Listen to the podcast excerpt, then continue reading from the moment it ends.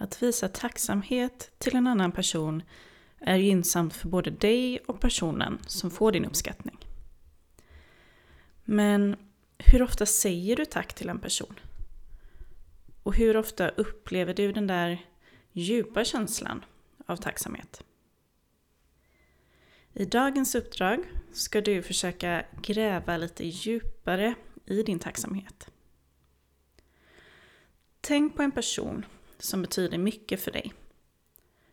Någon som du är tacksam för, men som du kanske inte har sagt det till från djupet av ditt hjärta. Skriv ett detaljerat brev till personen där du skriver ner specifika saker som du är tacksam för. Var gärna så detaljrik som möjligt så att personen förstår vad hen har gjort som betyder så mycket för dig. När du har skrivit brevet så kan du skriva rent det så att du känner dig bekväm med att brevet är bra nog. Hör av dig till personen som du skrivit brevet till och boka en tid då ni ska träffas. Gärna på en plats där ni får vara för er själva. Men avslöja inte än att jag har skrivit det här brevet. När ni träffas ska du läsa upp brevet till personen. Alternativt låta personen själv läsa brevet när du sitter bredvid. När detta är gjort så vill jag att du efteråt reflekterar på följande frågor. Vad kände du när du skrev brevet? Vad kände du när du skulle leverera brevet?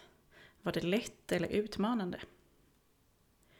Hur reagerade personen som tog emot ditt brev? Och hur reagerade du på personens reaktion?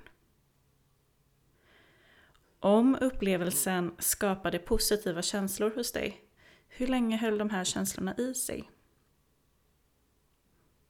Och vad känner du nu när, du när du tänker tillbaka på upplevelsen? Denna övning har enligt forskning visat kunna påverka ditt välmående i positiv riktning. Samtidigt är det såklart viktigt att vara varsam. Forskning har nämligen även visat att personer från olika kulturer kan påverkas olika. Bland annat så finns det dem som inte skulle uppskatta att ta emot ett tacksamhetsbrev. Just för att personen kommer från en kultur där tacksamhet är något som ska vara självklart. Ett sådant här brev kan alltså då tas emot väldigt negativt. Tror du inte att jag visste liksom? Fundera då på om du kan belysa just tacksamhet på ett annat sätt. Eller om du kan anpassa brevet för att det verkligen ska uppta, uppskattas av mottagaren. Stort tack för att du lyssnar på Välmåendepodden. Om du vill att fler ska prioritera sitt välmående och få tips om hur man kan ta hand om sig själv så får du jättegärna tipsa om podden till dina nära och kära.